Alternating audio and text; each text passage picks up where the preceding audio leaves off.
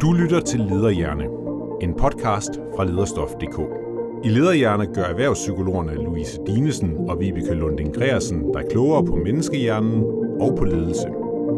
Tag med dem ind i hjerneforskningens verden, men også ud i det konkrete psykologiske arbejde hos ledere og deres medarbejdere.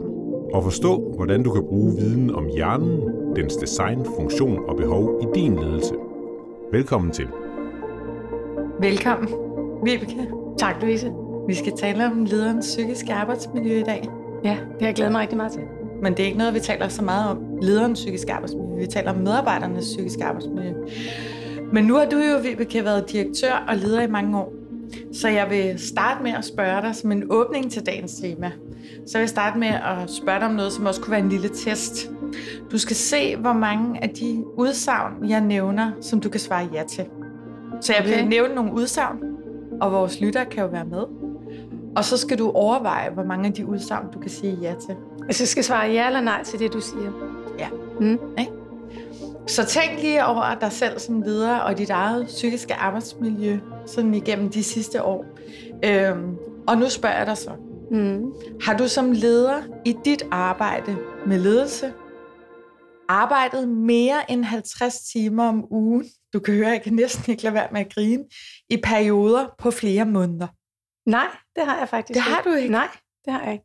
Så når jeg oplever, at du arbejder meget, så har du dine pauser indimellem. Det har Ja. du faktisk også. Ja. Jamen, det er rigtigt. Godt. Altså, det er ikke det samme, som der ikke har været en uge nogensinde, hvor jeg har arbejdet mere end 50 timer. Men Ej, nu det jeg. du i perioder på flere måneder. Ja, det, det, jamen, Det det, er det, er det, helt afgørende. Det er helt afgørende, ja. det der med perioder på flere måneder.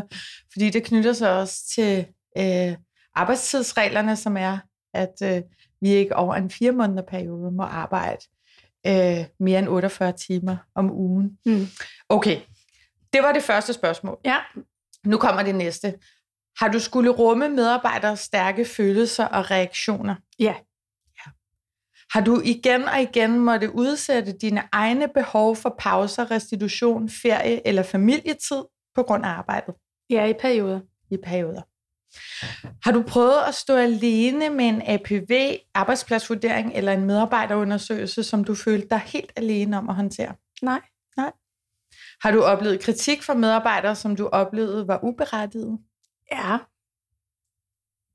Har du følt dig ensom i ledelse? Ja. Har du følt ansvar for andre menneskers ved og vel, uden egentlig at kunne gøre noget ved det? Både som psykolog og leder. Ja. Ja, den følelse kender vi godt. Har du oplevet, at det var svært at fyre en medarbejder? Ja. Hvad var det egentlig, der var svært? At jeg vidste, at vedkommende ville øh, blive rigtig ked af det. Har du skulle håndtere øh, nogen stresssygemelding, uden egentlig at føle dig helt kompetent til? Nej. Nej. Tror du, har du mødt ledere? Jeg har mødt ledere. Jeg har mødt mange ledere, der Ja, ja, det havde det jeg sådan, også. men jeg tænker, Ja. ja. jeg har en anden forudsætning. end Du har en anden ledere, ikke? forudsætning, ja. Så alt det her handler jo på mange måder om dit psykiske arbejdsmiljø. Ja. Så øhm, det vi skal tale om i dag er de her ting, og hvad det er, der karakteriserer et psykisk arbejdsmiljø, hvad det egentlig handler om. Og de her øh, risici, vi har talt om her, som du har talt ind i, øh, og nogle af dem kan du så bekræfte har været til stede, og Mhm. andre har ikke været til stede.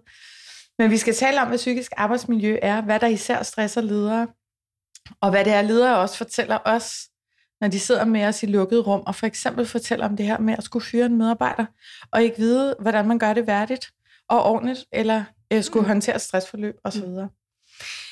Og øh, en af grundene til, at vi tager det op, det er jo fordi, at vi jo ser det faktisk som en væsentlig udfordring i øh, ledelse i erhvervslivet i dag, fordi vi taler rigtig meget om trivsel, vi taler rigtig meget om medarbejdertrivsel, medarbejdertilfredshed, og så taler vi meget, meget lidt om det, vi kunne kalde øh, ledernes arbejdsmiljø, og det faktum, at ledere jo på mange måder faktisk har øh, et højrisikojob, hvor der ofte er risikofaktorer, som belaster, og der mangler generel beskyttelse i arbejdet. Og det er jo det, psykisk arbejdsmiljø handler om, og det, som, som vi kommer til at skulle tale meget mere om. Øh, Så vi kommer simpelthen til at tale om, hvad er en risikofaktor, Lige præcis. og hvad er en beskyttende faktor. Og det er øh, et problem i dag, at det er medarbejdernes trivsel, vi ofte taler om. Det er det, vi hører disku- bliver diskuteret på LinkedIn, derude, i medierne, i debatterne, men også i litteraturen og i forskningen, og også inden for øh, hele arbejdsmiljøforskningen. Og vi har ikke tradition for, at tillidsrepræsentanter, arbejdsmiljørepræsentanter og samarbejdsudvalg har ledertrivsel op som et aspekt af det at diskutere psykisk arbejdsmiljø. Øh, så lederne er meget ofte overset, og der bliver brugt masser af penge, kapacitet osv. på at diskutere medarbejdernes trivsel. Men de fleste ledere er jo også ansat. Altså det er mm. også medarbejdere, ja. øh, eller i hvert fald er de ansat i en organisation, hvor arbejdsmiljøloven også gælder. Og øh, vi kan blive ret ineffektive, hvis vi presses øh, for hårdt i vores arbejde. Det ja. øh, kan vi også som ledere. Kan du ikke prøve lige at sige noget? For jeg ved, du ved ja. noget lige netop om det der med, hvad sker der, når vi arbejder for meget? Mm. Og, ja, og det, det er jo faktisk næsten uanset hvem det er, hvilke ledere vi taler med, hvilke brancheorganisationer de kommer fra, så oplever vi ofte, og det er både private og offentlige, at de simpelthen har en arbejdstid, øh, som rækker langt over det, som er en almindelig arbejdstid i Danmark, som er 37 timer, og rigtig mange har også kontrakter uden øvre arbejdstid. Og det er jo et problem, også for forretningen, og det er det, der er så vigtigt at vide, det er, at vi har studier, der meget, meget tydeligt viser, at en arbejdsuge på over 40 timer i princippet øh, er spildt, fordi det sker på bekostning af effektivitet og vores adgang til kognitive ressourcer. Øhm, og hvis vi tager den endnu mere op, og jeg er ked af, at rigtig mange af de ledere, vi taler med, de arbejder rent faktisk også nogle gange i lange perioder mere end 55 timer om ugen. Og der ved vi bare, at det markant øger risikoen for kroniske hjertesygdomme, for diabetes, depression og slagtilfælde. Så det er altså bare rigtig vigtigt, at vi begynder også at tage ledernes arbejdsmiljø øh, mere alvorligt, øh, når, vi, øh, når vi taler om både performance, men også når vi taler om trivsel. Og her har vi jo så kun talt om arbejdstid, og så har vi ikke engang berørt kompleksitet i arbejdet. Nej. Og øh, det er også at skulle rumme andre mennesker. Men hvorfor er det sådan her, Vibeke, at, at at øh, vi har et effektivitetsfald?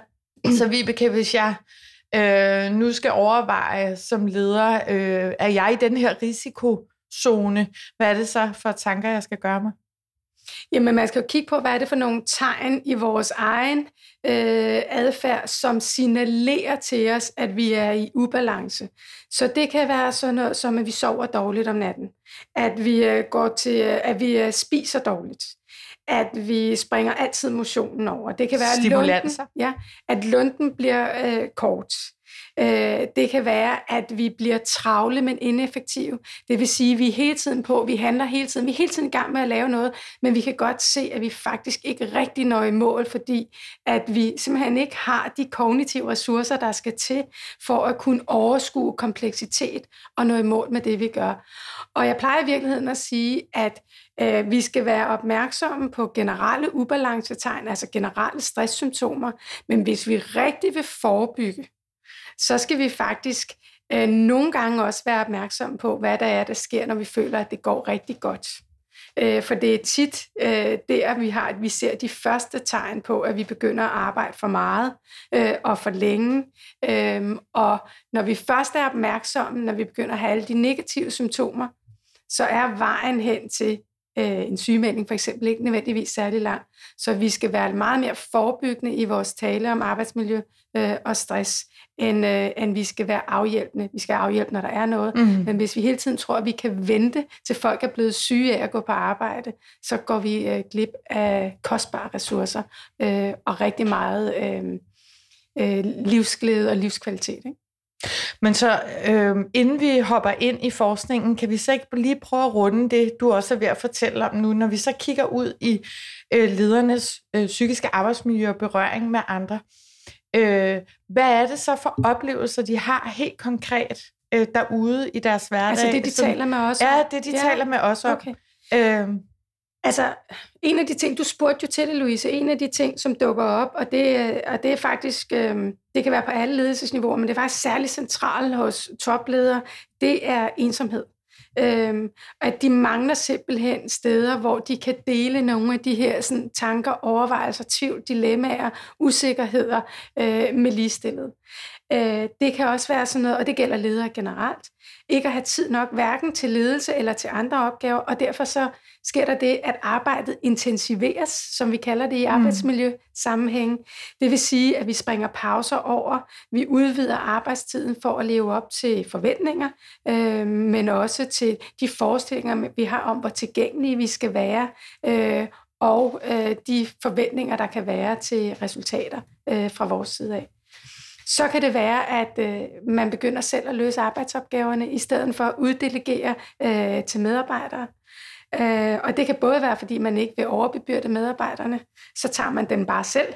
Øh, det kan også være, fordi vi er blevet så presset, at vi føler, at det tager længere tid at fortælle andre, hvordan de skal gøre det, end bare at gøre det selv. Det kan være, at man oplever generelt mangel på ressourcer øh, og ringe muligheder for at lave egentlig prioritering af opgaverne. Det kan være, at vi træffer forhastede beslutninger, øh, prioriterer skævt, kommunikerer uklart, fordi at vi selv har mistet overblikket som ledere. Øh, og det kan jo føre både til, at der opstår uklarhed hos medarbejderne. Det kan være, at der opstår et decideret fejl, ekstraarbejde, ineffektivitet som resultat. Øhm, mm. og, så, øh, og så er det her, hvor at øh, lederne tit arbejder med at skulle skule, hvordan de selv har det. Og en anden ting, du også spurgte om, så er det rigtig er rigtig tit, det er i hvert fald ikke sjældent, at vi sidder med ledere, det ved jeg, det vi talt en del om, mm. som kommer og er helt ødelagt over en trivselsmåling, øh, som de har fået, som peger på dem mm. som ledere. Ja, og mange gange så bliver de her problemer internaliseret, selvom det er forhold i omgivelserne, altså i organisationen, eller i forhold til ledernes egne vilkår for ledelse, der er et problem, så bliver det internaliseret ind mm. i kroppen og psyken på den enkelte leder, som står og har en oplevelse af, det er hans eller hendes problem ja. at løse øh, det, der egentlig er et psykisk arbejdsmiljøproblem. Lige præcis. Og det er det dilemma, vi ofte sidder med jo i mødet med dem. Mm. Det er, at vi hører dem fremstille et problem, som faktisk ikke knytter sig til dem som mennesker, men som knytter sig til den kontekst, de er i ja. som ledere. De rammer, de har for arbejde. Det er en super vigtig pointe, Louise, at lederne ofte vender det ind af med det følge, at der er øget risiko, eller der er øget skam, øget selvkritik. Øh, øhm, så, øh, så det vi måske skulle se på nu, det var, hvad er det psykiske arbejdsmiljø egentlig?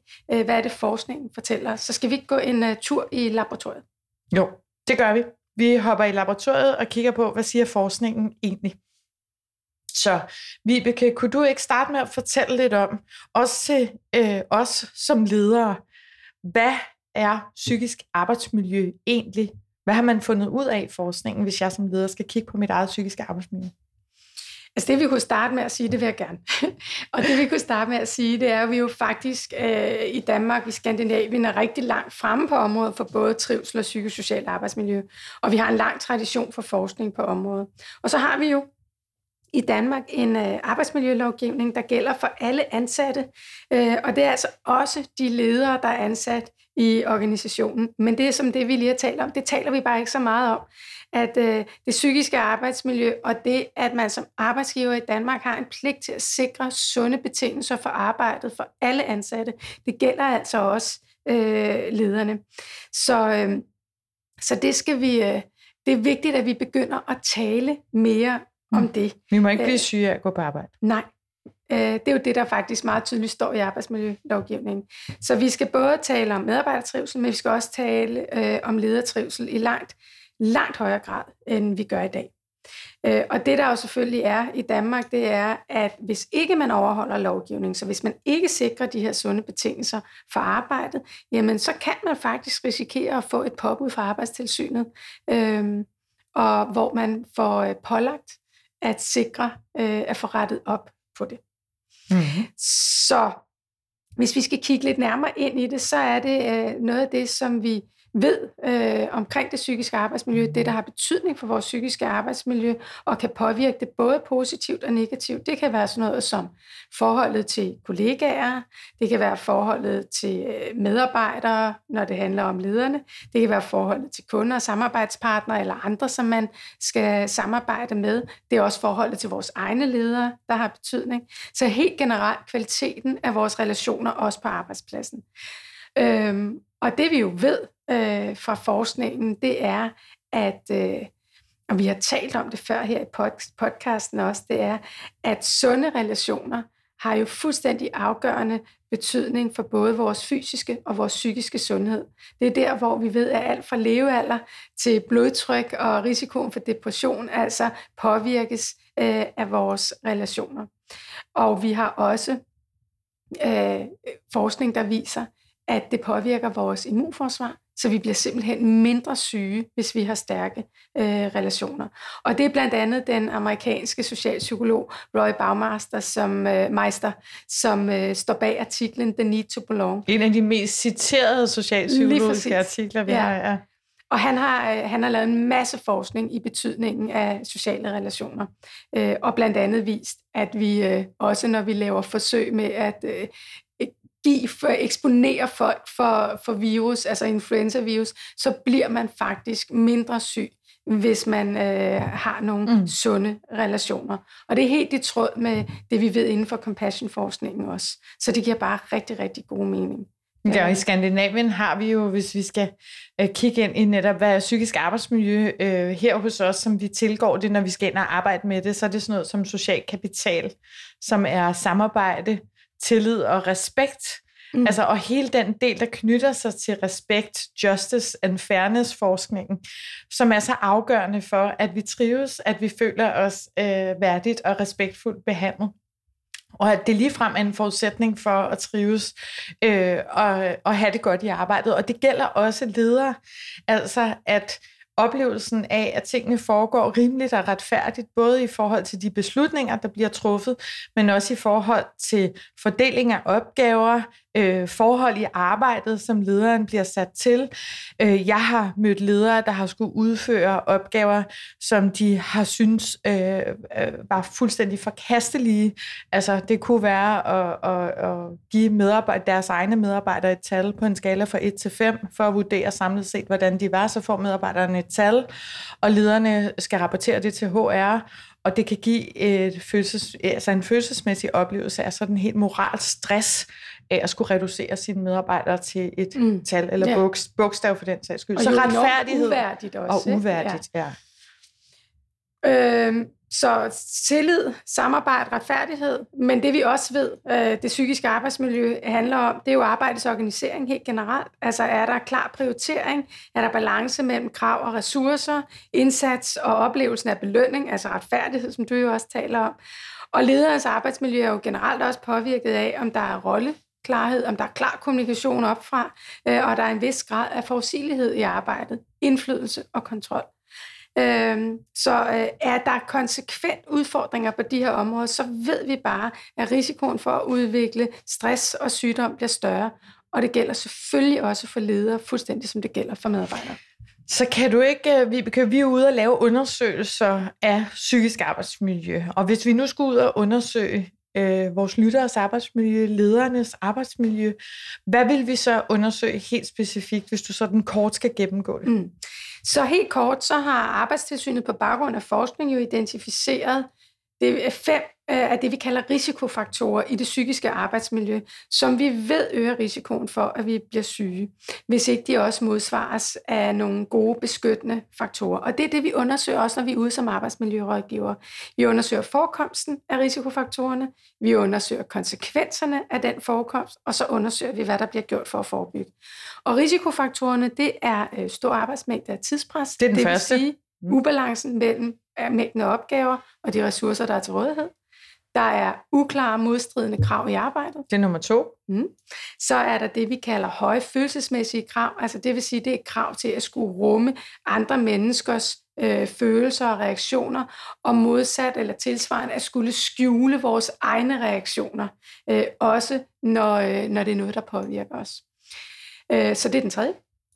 Så har vi jo øh, krænkende handlinger, som er samlebetegnelsen for handlinger, der opfattes øh, nedværdigende. Det vil sige, det kan være alt fra øh, mobning, øh, chikane til øh, uønsket seksuel opmærksomhed. Som en leder for eksempel fortalte os, at have oplevelsen af, at en hel afdeling har vendt sig imod lederen, og er tavse, når lederen kommer ind i lokalet, lægger armene over kors, kigger væk, og man oplever den her følelse af eksklusion øh, som er så vanskeligt at håndtere. Det kan man blive syg af. Man ja. kan faktisk blive meget syg af det.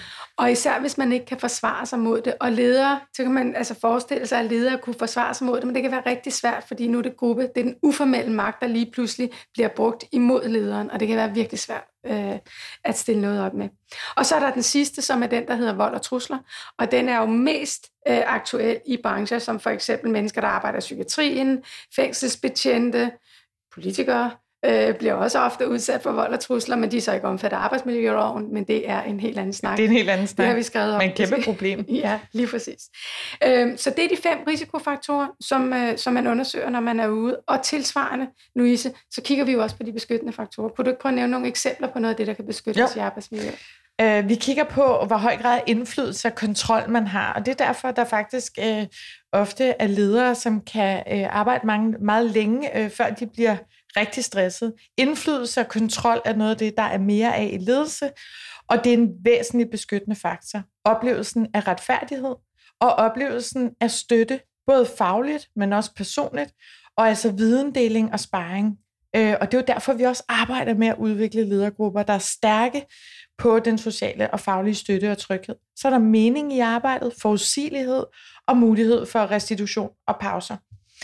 Og øhm, du vil sige noget, ja, men det kigger vil jeg, på fordi at, uh, da vi startede, der talte, der, der talte vi om det her med, at ledelse er et højrisikojob. Kunne du ikke prøve at sige, uh, hvad det er for forskningen, der viser, at vi egentlig sådan med rette kan kalde ledelse for et højrisikojob?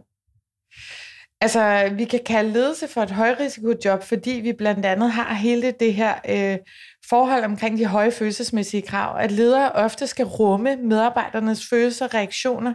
Altså vi taler jo om sådan en, øh, jeg tror Malene Friis kalder det en kognitiv kapitalisme, at i dag skal vi have vores følelser med på arbejde, vores tanker, vi skal være engageret, vi skal være motiveret, men vi skal også øh, som ledere håndtere det, at øh, der kan være øh, vanskelige dilemmaer forbundet med det at være menneske i arbejdslivet i dag, og ledere rummer andre menneskers følelser, men også, som du siger, stor arbejdsmængde og tidspres, øh, som kan ramme lederne. Øh, de uklare krav i arbejdet er også ofte til stede. Øh, så er der hele spørgsmålet om krænkelser og uretfærdighed, som selvfølgelig kan være forskellige. Men der er altså nogle risikofaktorer i arbejdslivet og øh, i lederjobbet, som er anderledes, og som øh, især knytter sig til det her med også de meget høje følelsesmæssige krav i arbejdet, hvor man skal skjule egne følelser eller rumme andre, så det taler vi slet ikke nok om. Så derfor øh, taler vi om det som et højrisikojob. Okay, Vibeke, nu skal du høre. Det er faktisk sådan, at vi har forskning også i Danmark. Vi er jo langt fremme på området i Skandinavien, mm. som du siger. Øh, vi har forskning øh, fra Danmark, der viser, at ledere faktisk har brug for et sundt psykisk arbejdsmiljø for os at kunne skabe det for andre, og det giver jo god mening. Det er meget intuitivt. Men vi ved i dag, at har ledere ikke et øh, sundt psykisk arbejdsmiljø, så øh, går det rent faktisk ud over deres medarbejdere. Janne Skakon øh, fra her fra Danmark, som er forsker på Københavns Universitet, hun har vist i sin forskning, at medarbejdere rammes indirekte af leders belastning, og at ledertrivsel øh, og ledelseskvalitet også hænger direkte sammen med, øh, hvordan, trivselen, øh, hvordan trivselen er. Så Øh, ja. ledernes evne til at være ledere øh, smitter altså, eller ledernes evne til at, at udøve ledelse er direkte sammenhængende med deres egen trivsel, og det påvirker også selvfølgelig medarbejderne. Mm. Ja, for det er rigtigt, medarbejderne rammes, men det, der er interessant også med Skakons forskning, det er, at det også viser, øh, at noget af det, der kan stresse og belaste lederne allermest, det er jo, hvis de ikke har mulighed for at være der for medarbejderne. Så det bliver sådan en, en ond cirkel, ikke? hvis de oplever, at de ikke har de rette rammer og betingelser for at, at vise støtte øh, mm. til deres medarbejdere, så bliver det en belastning for lederne selv, som påvirker deres trivsel. Så jeg har heller ikke mødt nogen ledere, der egentlig ikke ønskede at gøre det Nej. rigtig godt for deres øh, medarbejdere.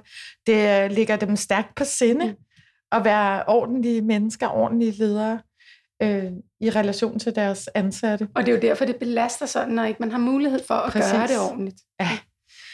Og når så ledere ud over at skulle pleje de her relationer, som de måske så ikke har tid til, skal, skal effektivisere, implementere forandringer og lede i skiftende målsætninger og iværksætte målstyring og også måske endda oplever begrænset indfly, altså indflydelsesmuligheder i organisationen, øh, så er det ikke mærkeligt, at ledere også kan føle sig belastet. Mm.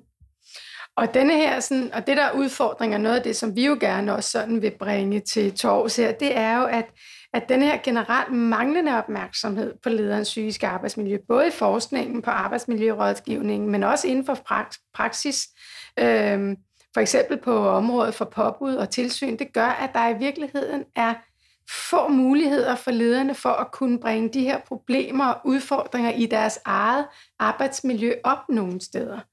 Øh, og slet ikke i de, i de forer, kan man sige, hvor arbejdsmiljø normalt adresseres.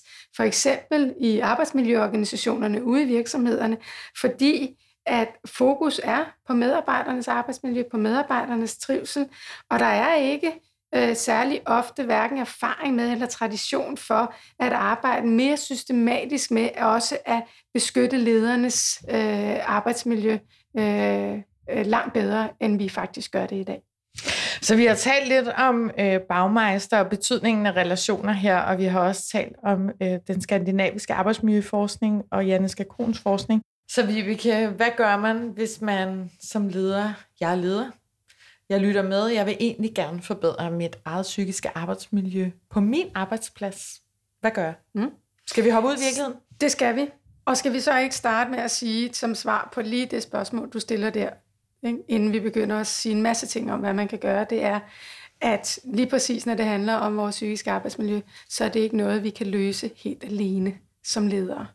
Øhm, og det er blandt andet derfor, at vi plejer at sige, når vi er ude og lave øh, arbejdsmiljørådgivning, at hvis vi skal øh, skabe et øh, sundt psykisk arbejdsmiljø og nogle sunde kulturer, så skal vi altså have indsatser på flere niveauer i organisationen. Så nu taler vi for, først om lidt større organisationer. Hvad, kan, hvad skal man kigge efter der? Eller gøre? Jamen altså, øh, på det sådan organisatoriske eller organisationsniveauet, kan man sige, der kan det være sådan noget som at sikre, at øh, øh, det vi kalder aktive politikker, ikke? at vi har nogle politikker, vi har nogle retningslinjer, som gælder også for ledernes arbejdsmiljø og trivsel. Øhm, vi har de fleste større organisationer, de har jo alle mulige forskellige antimobbepolitikker og trivselpolitikker, alt muligt. Ikke? De er bare ikke aktive. De er ikke nødvendigvis aktive, og så kan det godt være, at man tænker, at lederne rent faktisk jo selvfølgelig er en del af det, for de er jo også ansatte. Men det er bare meget, meget sjældent, at der er et enigt specifikt fokus på ledernes øh, arbejdsmiljø. Så øh. det organisatoriske niveau dækker alle og kunne være retningslinjer og politikker, som er aktive, yes. som man efterlever, og ikke, de ikke bare ligger i en skuffe. Hvad Lige ellers? Jamen, så har vi jo også indsatser både på det, vi kalder gruppeniveau, øh, på ledelsesniveau og på individniveau. Og hvis vi kigger på gruppeniveauet, der kan man jo sige, at øh, det, der kan arbejdes med, det er jo i ledergrupper at øh, få afsat tid, altså få det her på dagsordenen, få skabt en ramme, der gør det muligt også at tale om ledernes øh, arbejdsmiljø, få afsat øh, tid til det, øh, blive bekendt med, få viden om risikofaktorer og beskyttende faktorer. Noget af det, som, som vi jo oplever, når vi er ude og arbejde med arbejdsmiljørådgivning i virksomheder, det er jo, at bare det at få den her viden, få det her indblik, få det oversat til ens eget arbejdsmiljø, kan være en utrolig hjælp og kan gøre det langt nemmere at tale om, fordi så kommer det ikke til at handle om enkeltpersoner, så kommer det til at handle om arbejdsmiljøet, som der ikke er nogen enkeltpersoner, hverken ledere eller medarbejdere, der har ansvar for. Det er altså et fælles ansvar. Vi plejer at sige, at vi er hinandens arbejdsmiljø, ikke? når vi taler det psykiske arbejdsmiljø. Så hvis man er leder og lytter med derude, så skal man arbejde for at sætte psykisk arbejdsmiljø og ledertrivsel på den strategiske dagsorden. Ja. Skubbe lidt til topledelsen, øh, øge viden, hvis man kan komme til det. Dele vores podcast, eller øh, sørge for at få arbejdsmiljøorganisationen til at tage ledertrivsel op. Og så er det, som du siger, øh, ud over det organisatoriske niveau, og det at bringe ledelse eller trivsel på, på ledelsens dagsorden, så er det, at vi skal investere i relationer, fordi relationer er den mest beskyttende faktor for os i arbejdsmiljøet. Det ved vi fra forskning, at det handler om at styrke relationer, der kan beskytte os. Og de her trygge rum, øh, hvor, hvor det er muligt at tale om det, der er svært, at det er noget, der er med til at beskytte os. Og det gælder jo også, hvis man er øh, ejerleder af en lille virksomhed, at man skaber nogle rum, nogle trygge rum sammen med nogle andre, hvor man kan diskutere svære ting. Hov, og det, du, er jo sige... også, du, har jo, du er jo også direktør i din egen virksomhed. Ja, ja. og det man kan sige er, uanset om man øh, sidder som øh, ejerleder, øh, eller om man jo føler, at det faktisk bare ikke er muligt at bringe de her ting op i den organisation, man er i, eller om man er et sted, hvor at man ikke har direkte lederkollegaer, så, så er det jo vigtigt at have mulighed for at søge noget øh, sparring. Og det kan man for eksempel gøre øh, med forskellige former for ledernetværk, øh, sparringsgrupper, øh, som man kan tage initiativ til. Nogle gange er det muligt inden for ens egen øh, organisation at tage initiativ til at lave nogle ledernetværk, Hvad som gør giver du? adgang til faglig og social støtte. Jamen altså, jeg taler om med dig blandt Ja, ja, det- andet. Ja. Og så har jeg jo også gennem min tid haft lederkollegaer, Mhm. mm. øh, som, som jeg har kunne bruge til støtte øh, og sparring. Noget af det, jeg beundrer jer for øh, inde hos jer, I er jo faktisk ret mange øh, ansatte også, øh, det er, at øh, I prioriterer supervision. Ja, Ikke? Både det gør du selv, mm. Mhm. og det gør du også i forhold til de psykologer, der er tilknyttet dig. At have et rum, hvor man ligesom kan slippe alle deadlines, og så diskutere dilemmaer og sådan noget. ja. Så Som jo, men som jo, hvis man lige skal have en krølle på det, det er jo så i forhold til arbejdsopgaverne, mm. og hvor at når vi taler om ledernes psykiske arbejdsmiljø, så er det rigtig vigtigt som leder også at have et rum, hvor man kan vende de dilemmaer, de udfordringer, de øh, tanker, øh, der kan være relateret til det at være leder. Øhm, og det er jo der, hvor det er rigtig vigtigt, at man kan have øh, kloge, øh, dygtige sparringspartner, som jeg jo har i dig, Louise. Okay, men vi skal, vi skal lidt videre nu.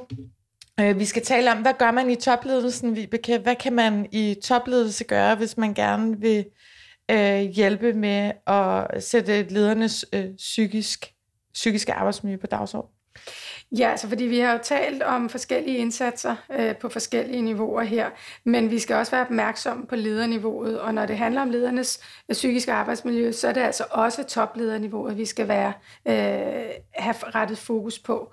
Øhm, og det er jo også at sikre, at man søger viden øh, i topledelsen, at man sørger for øh, også at blive klædt på til at kunne lave en vedvarende god understøttelse af de ledere, som varetager leders, ledelsesopgaven i virksomheden.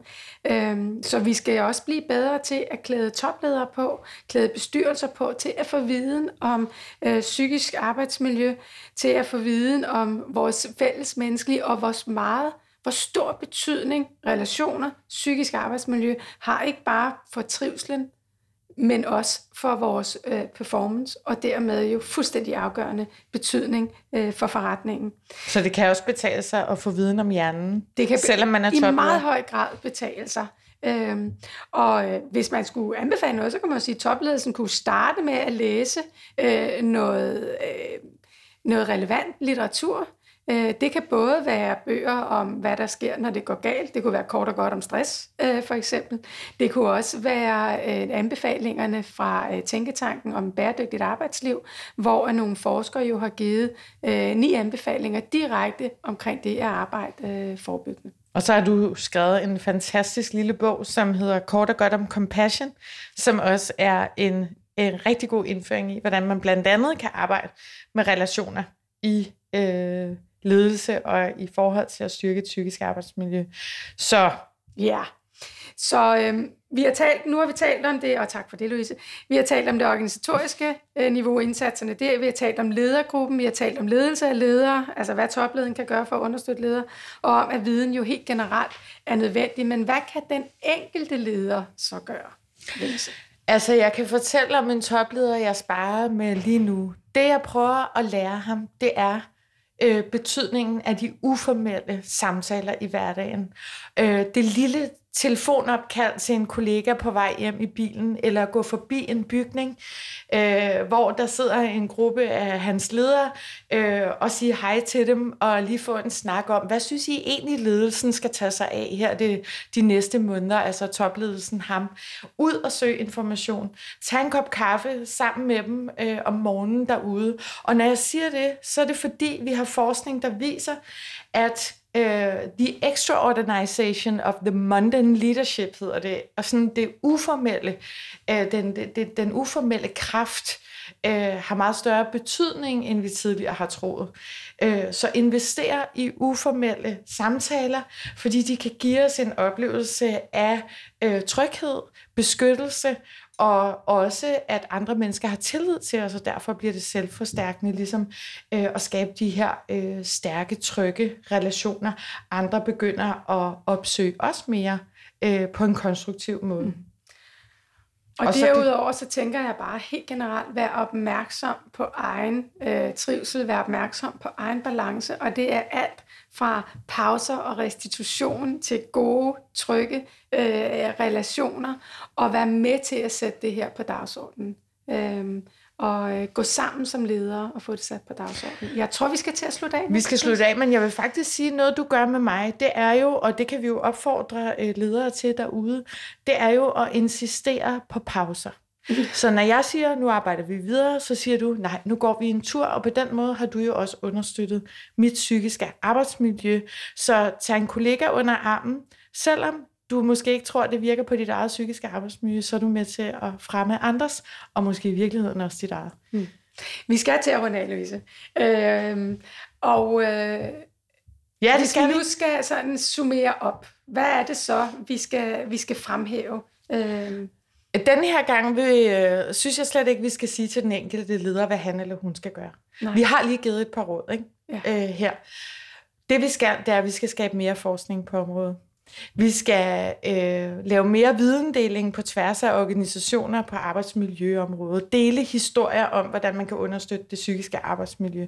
Vi skal have en større åbenhed om ledernes psykiske arbejdsmiljø, så hvis man som leder kunne tænke sig at gøre noget, så er det også at bringe det op i egen organisation. Vi skal have et arbejdstilsyn, Arbejdstilsynet skal tage det her øh, område meget mere alvorligt, også når de er ude og føre tilsyn, så vi kan beskytte lederne. Øh, og så skal vi skabe nogle rammer, hvor topledelsen og arbejdsmiljørepræsentanter faktisk bliver i stand til at tale om ledertrivsel og skabe øh, nogle, øh, en konstruktiv afhjælpning og forebyggelse. Så. Mm. Men og jeg er helt enig, hvis vi vil sikre øh, god performance, medarbejdernes trivsel, så bliver vi nødt til at passe bedre på lederne, for de har direkte indflydelse på medarbejdernes trivsel og performance. Øh, så vi skal blive bedre til øh, også at passe på lederne, når vi taler arbejdsmiljø, og vi mangler viden på det her område. Det anerkender både forskere og praktikere. Så, øh, nu er ordet givet videre. Ja, stafetten er givet videre, og så håber vi også på, at nogle af de her gode, engagerede ledere, vi møder, kan få en bedre ramme for at diskutere deres egen trivsel. Så øh, det, det var ordet for i dag. Tak fordi I lyttede med.